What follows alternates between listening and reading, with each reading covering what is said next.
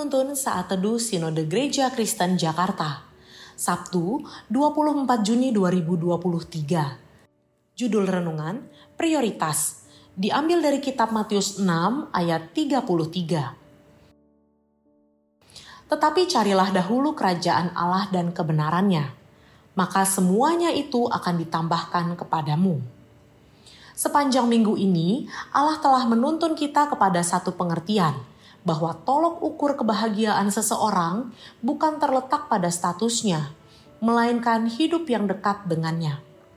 Akan tetapi, relasi bersama Allah yang sudah pasti mendatangkan kepuasan sejati cenderung terabaikan oleh keinginan diri yang kerap menyimpang dari kebenaran Allah itu sendiri.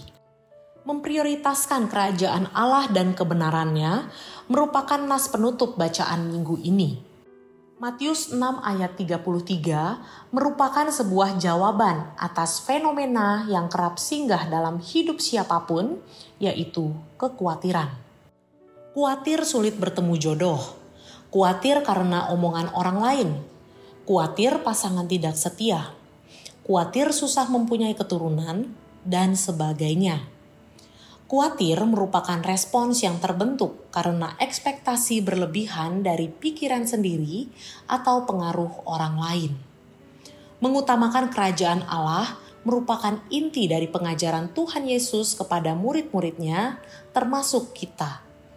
Identitas seorang murid Tuhan adalah menemukan kerajaan Allah terlebih dahulu agar dapat mengutamakannya Menemukan kerajaan Allah berarti mengupayakan diri untuk mengaitkan apa pun yang kita kerjakan atau putuskan untuk pekerjaan Allah.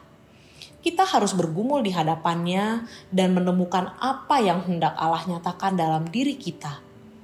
Allah ingin jati dirinya dinyatakan lebih banyak melalui kesaksian hidup kita dengan menikah ataupun tidak. Luangkan waktu sejenak, resapi dengan memohon hikmat melajang ataupun menikah, tujuan utama dalam hidup adalah mencari dahulu kerajaan Allah. Melajang ataupun menikah, panggilan utama dalam hidup kita adalah memenuhi kehendak Allah dan bagaimana Allah dimuliakan melalui diri kita. Hidup bukan hanya tentang menikah atau melajang, namun bagaimana Allah dinyatakan melalui diri kita. Kiranya Allah memampukan kita